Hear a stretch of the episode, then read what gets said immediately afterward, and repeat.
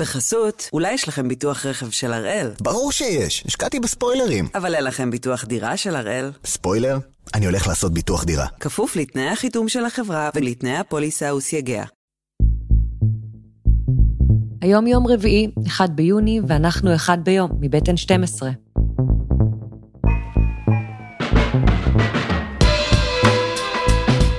אני יונה לייבזון, ואנחנו כאן כדי להבין טוב יותר מה קורה סביבנו, סיפור אחד ביום, כל יום.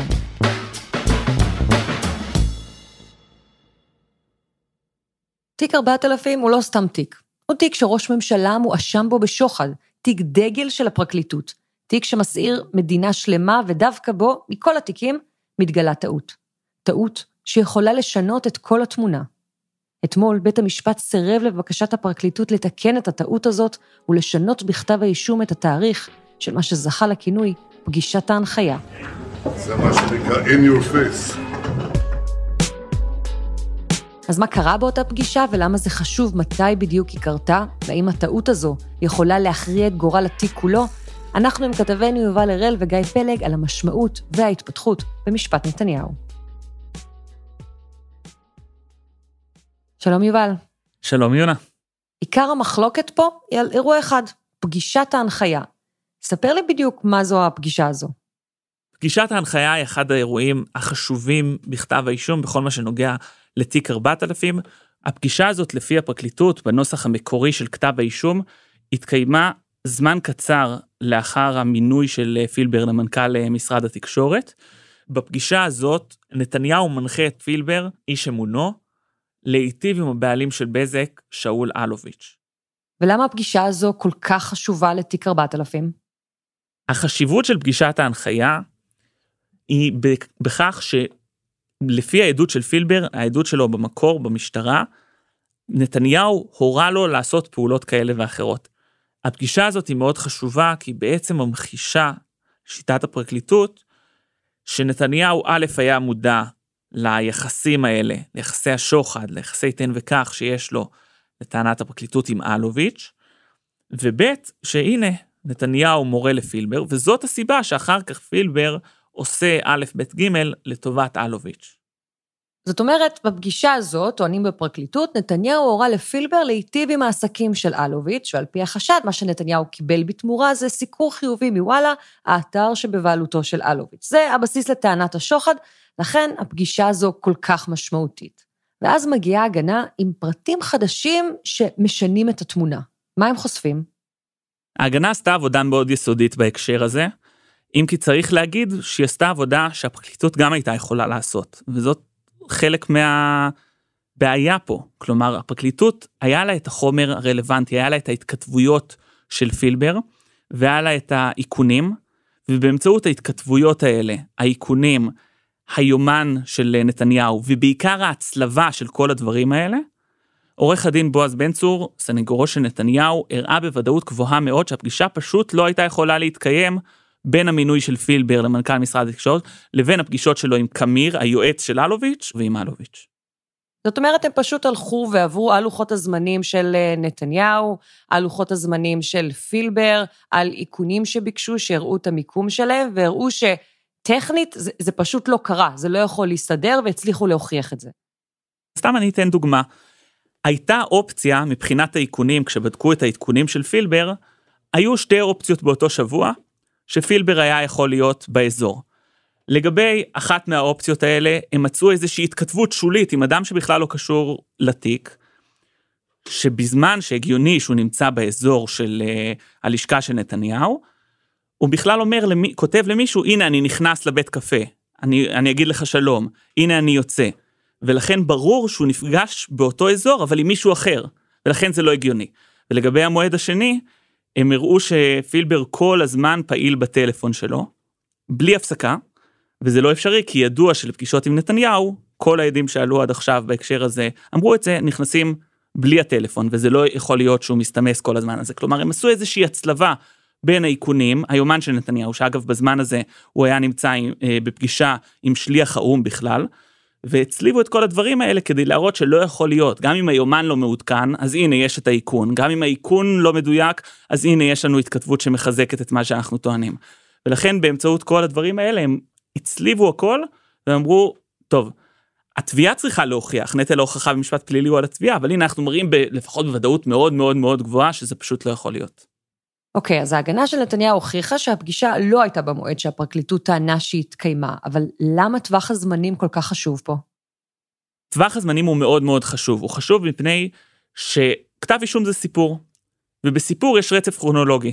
הפרקליטות אומרת בכתב האישום, נתניהו מינה את פילבר, איש אמונו, זמן קצר אחר כך, הוא כבר מנחה אותו להיטיב עם אלוביץ', ועוד באותו שבוע של המינוי, פילבר כבר נפגש עם קמיר, היועץ של אלוביץ', ויום אחר כך כבר עם אלוביץ' עצמו, ומיישם את אותה הנחיה שניתנה לו בפגישה. אם הפגישה היא אחרי הפגישות עם קמיר ועם אלוביץ', זה לא הגיוני מבחינת הרצף הכרונולוגי. כלומר, אם המועדים הם שונים ממה שטענה הפרקליטות, אז יכול להיות שבכלל הפגישה עם נתניהו הייתה אחרי הפגישות עם אלוביץ' וקמיר, ואז קשה יותר לטעון שהייתה בפגישות איתם כבר הנחיה של נתניהו. וזה דבר דרמטי בתיק. אז מה הפרקליטות עושה בתגובה לגילוי של ההגנה? אחרי שעורך הדין אה, בן צור מראה באמצעות אותם, אותן התכתבויות ואיכונים והיומן של נתניהו שהפגישה לא הייתה יכולה להתקיים באותו טווח זמנים, הפרקליטות מבינים שמלכתחילה הם היו צריכים לנסח את כתב האישום אחרת. כלומר, הרבה פעמים כתוב בכתב אישום מועד לא ידוע. גם כאן היה כתוב מועד לא ידוע, אבל היה כתוב שהוא זמן קצר אחרי אישור המינוי של פירבר בממשלה, ולכן אה, הפרקליטות אמרה, טוב, אז אולי היה צריך לנסח את זה אחרת, כך שטווח הזמנים הוא רחב יותר, שהוא החל מההחלטה למנות את פילבר, שהיא כמובן כמה שבועות לפני שהמינוי שלו מאושר בפועל בממשלה. הפרקליטות מגישה בקשה כזאת לתקן את uh, כתב האישום. הם בסך הכל טוענים שיש הרבה ראיות שתומכות בכך שהייתה פגישה, ולכן גם אם קשה להוכיח, גם אם אין ראיות, גם אם עורך הדין בן צור הראה שהפגישה כנראה בוודאות גבוהה לא התקיימה בטווח הזמנים הזה, יש לנו ראיות לטענת הפרקליטות שהפגישה התקיימה גם התקיימה, ולכן טווח הזמנים הוא פחות חשוב שזה יהיה בדיוק בשבוע הזה, אולי זה היה קצת לפני אותו שבוע. ומה לגבי פילבר? הרי הוא מצד אחד עד מדינה, מצד שני העיד שהוא מעריץ את נתניהו. איפה הוא בסיפור הזה? מה הוא טוען לגבי פגישת הנחיה? זאת נקודה חשובה מאוד, כי פילבר מתעקש שפגישת ההנחיה התקיימה אחרי המינוי שלו למנכ"ל משרד התקשורת, אחרי האישור בממשלה, כלומר כשהוא כבר בפועל מנכ"ל משרד התקשורת, ולכן בעצם מה שעכשיו הפרקליטות ביקשה לא מסתדר עם העדות של פילבר עצמו, כי הוא מתעקש שזה חייב להיות אחרי אישור המינוי בממשלה. אבל מצד שני, כשעורך הדין בן צור מראה לו את הראיות, אז הוא אומר, טוב, יש ראיות, אני לא יכול להתווכח. אבל הוא לא חוזר בו מההתעקשות שלו, כלומר הוא לא משאיר איזושהי אופציה הגיונית מבחינת העדות שלו. עכשיו צריך להגיד, יש פעמים שמעדיפים עדויות על פני ראיות, אם הראיות לא מאוד ברורות, יש פעמים שנצמדים ממש ל, לראיות אם הן מובהקות, ויכול להיות שהעד לא בדיוק זוכר. במקרה הזה יש התנגשות חזיתית בין מה שפילבר טוען לבין הראיות שבן צור הראה. לכן הפרקליטות ביקשה לתקן את כתב האישום, כי הם הבינו שהם עשו טעות שהם במרכאות האמינו יותר מדי לפילבר, לזיכרון של פילבר. ועכשיו נוצרה הבעיה כשבית המשפט גם לא מאפשר להם לתקן את הטעות שהם עשו. חסות אחת, וממש מיד חוזרים.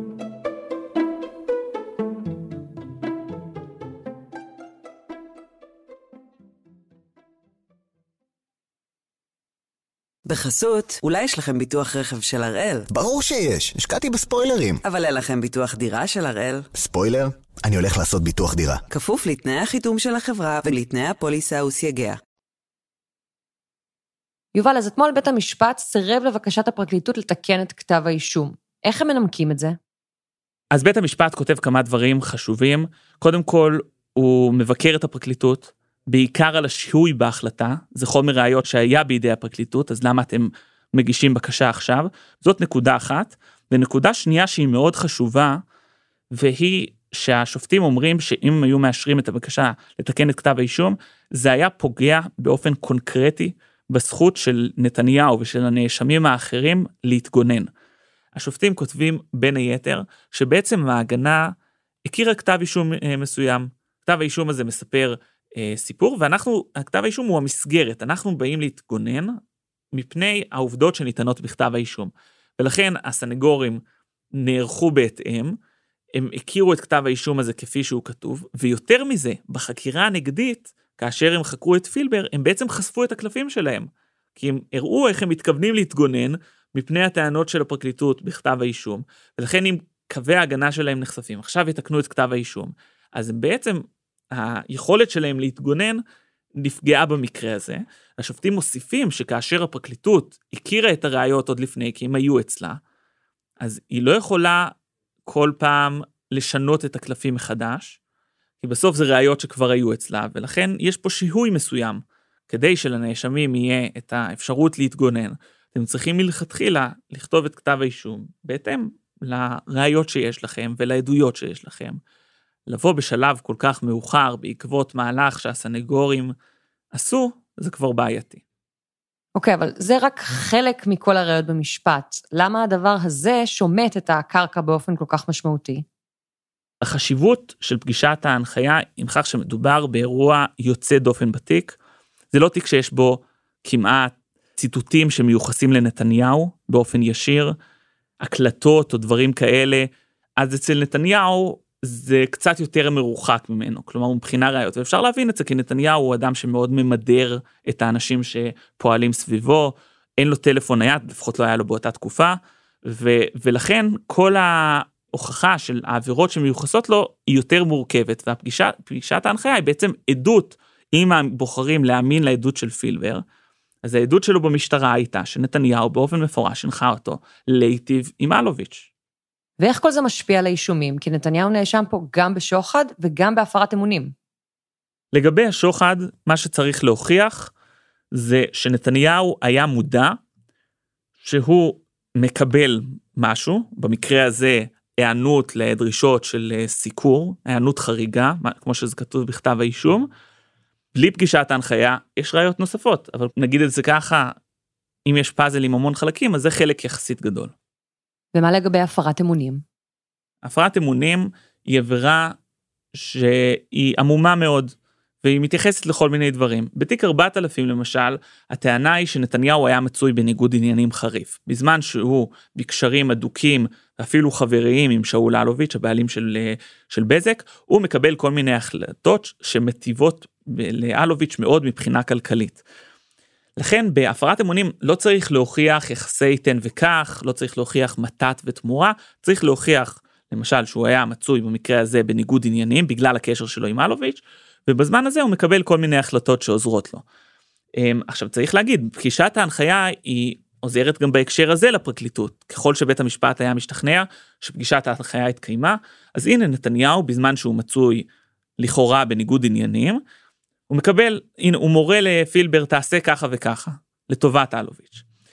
אבל הפרקליטות יטען, א' שנתניהו היה בניגוד עניינים, הוא אחר כך גם חתם על uh, הסדר למניעת ניגוד עניינים עם אלוביץ', ו- והפרקליטות יטען שגם אם פגישת ההנחיה לא, לא התקיימה, נתניהו מקבל כל מיני החלטות שמסייעות לבזק ולשאול אלוביץ'. אתמול בערב משרד המשפטים הודיע שהם לא יערערו על ההחלטה, אבל מה הם אומרים על זה בכל זאת? קודם כל, רשמית הם לא מדברים בשלב הזה, עוד יהיו סיכומים. עורכי הדין של נתניהו ושל יתר הנאשמים חושבים שמדובר בהחלטה שהיא מאוד משמעותית, שהיא שומטת את הקרקע מבחינת אה, כתב האישום. בפרקליטות מבינים שהיו צריכים להתנהל אחרת, ועדיין הם חושבים, יש ראיות נוספות, יש מכלול, יש פאזל, וזה לא המסמר בארון הקבורה של אה, תיק 4000 מבחינתם.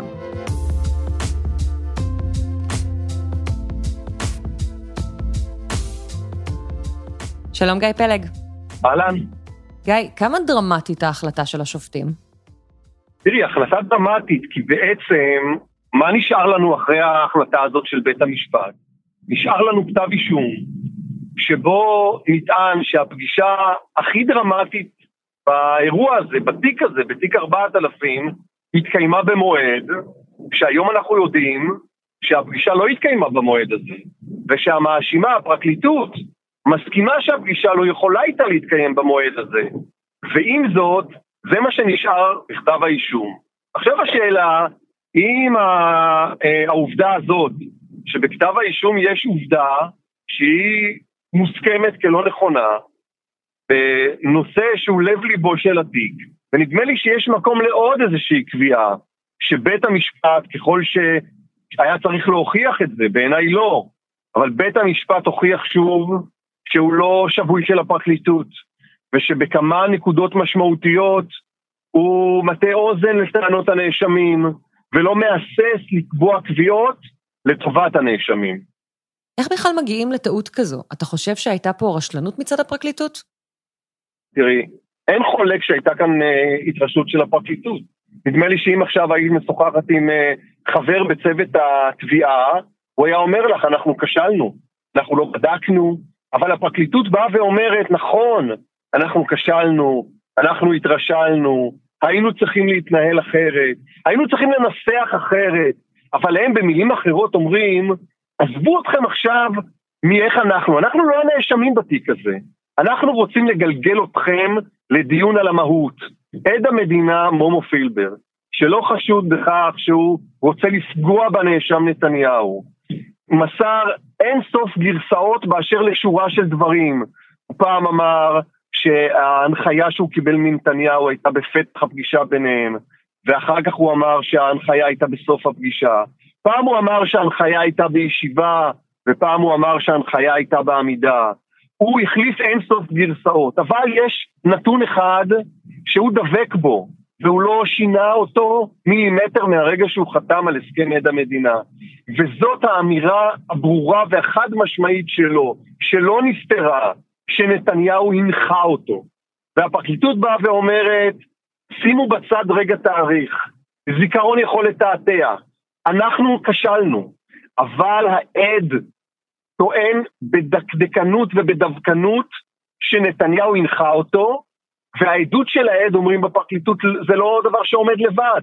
יש שורה ארוכה של ראיות, כמובן נסיבתיות, שתומכות בנטען בכתב האישום שנתניהו בהמשך לשוחד שקיבל, שינה את המדיניות של משרד התקשורת בעניין שאול אלוביץ' וחברת בזק. ומה המשמעויות של ההחלטה הזו בהקשר להסדר טיעון? אז תראי, קודם כל, אה, דיברתי היום עם אה, פרקליט בכיר מאוד, שאמר לי, גיא, אנחנו מדברים בינינו משפטית, אבל השעון שמנחה את נתניהו בכלל שעון פוליטי, ואין על מה לדבר בראייתו של נתניהו על הסדר טיעון כשהוא מריח את השלטון, ומריח בראייתו את השלטון מאוד קרוב. אז אה, זה נתון שצריכים לשקול אותו כשאנחנו מנסים לנתח, זה לא, זה לא משפט פלילי רגיל. עכשיו, אם אנחנו מנתקים לרגע את הזירה הפוליטית, שכאמור, אני מסכים עם אותו בכיר שאיתו שוחחתי, שאי אפשר uh, לנתק, אז השכל הישר היה אומר שנתניהו צריך לשקול בכובד ראש, לחזור לשולחן המשא ומתן, כי אין ספק שמבחינתו המשא ומתן יהיה הרבה יותר נוח בנקודה הזאת, כשהפרקליטות ספגה וסופגת מכה כל כך קשה. עכשיו, המכה שהפרקליטות סופגת היא לא רק מכה משפטית, היא גם מכה לדימוי, כי בסוף זה לא עוד תיק, זה תיק נגד ראש ממשלה. ופתאום אנחנו רואים שבנקודה דרמטית, לא זניחה, הבחינה לא הייתה קפדנית. והכתב האישום נוסח כנראה ברשלנות לפחות בנקודה הזאת. ולכן אני, אני אה, אה, בא ואומר שאין חולק שהפרקליטות קיבלה מכה מאוד קשה, ומבחינת נתניהו, אה, אילו היה חושב שהוא אה, מנהל את האירוע הזה רק כאירוע משפטי, ודאי ובוודאי ש, שהיה פה מבחינתו אה, מקום לכל הפחות לרחח אם משהו השתנה בתנאים שהפרקליטות מוכנה אה, לחתום אה, אה, הסדר טיעון. ולסיום, אולי השאלה הכי חשובה, עד כמה ההחלטה הזו מרמזת לנו מה הסיכויים של נתניהו לצאת זכאי או אשם בתיק הזה? תראי, קודם כל אני רוצה להגיד לך דבר והיפוכו, כי אין חולק שפגישת ההנחיה היא לב ליבו של תיק 4000, ואין חולק שתזת התביעה קיבלה מכה ומכה משמעותית. יחד עם זאת, לפי הבנתי, לפי הערכתי, לפי מיטב שיפוטי, התיק הזה, תיק 4000 לא יוכרע בשאלה מתי התקיימה פגישת ההנחיה, במועד הזה או במועד אחר, לדעתי, בסופו של יום, בית המשפט ישאל את עצמו שאלה אחרת. הם חיפשו את המניע, ואני חושב שאם בית המשפט יתרשם שאין שום מניע להתנהלות כזאת של מנכ"ל משרד תקשורת, שהוא לא אדם חף מכישורים, והם יחשבו שההסבר היחידי להתנהלות הזאת של מומו פילבר היא ההנחיה של נתניהו, הם ירשיעו את נתניהו. ואם במהלך המשפט הם יחשבו שיש איזה הסבר אחר, מניח את הדעת, שיכול להסביר את ההתנהלות של מומו פילבר, שהיה רגולטור, וביטל את עצמו לגמרי, אל מול מישהו אמור היה לפקח עליו, אז לדעתי הם יזכו את נתניהו בטח ובטח מהאישום בשוחד. גיא, תודה. תודה, יונה. ותודה גם ליובל הראל.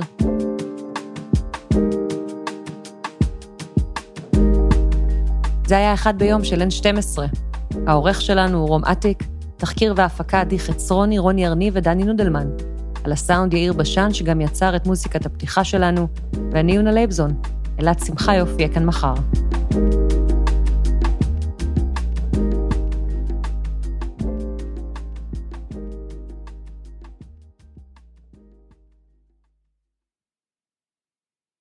בחסות, אולי יש לכם ביטוח רכב של הראל, ברור שיש, השקעתי בספוילרים. אבל אין לכם ביטוח דירה של הראל. ספוילר? אני הולך לעשות ביטוח דירה. כפוף לתנאי החיתום של החברה ולתנאי הפוליסה וסייגיה.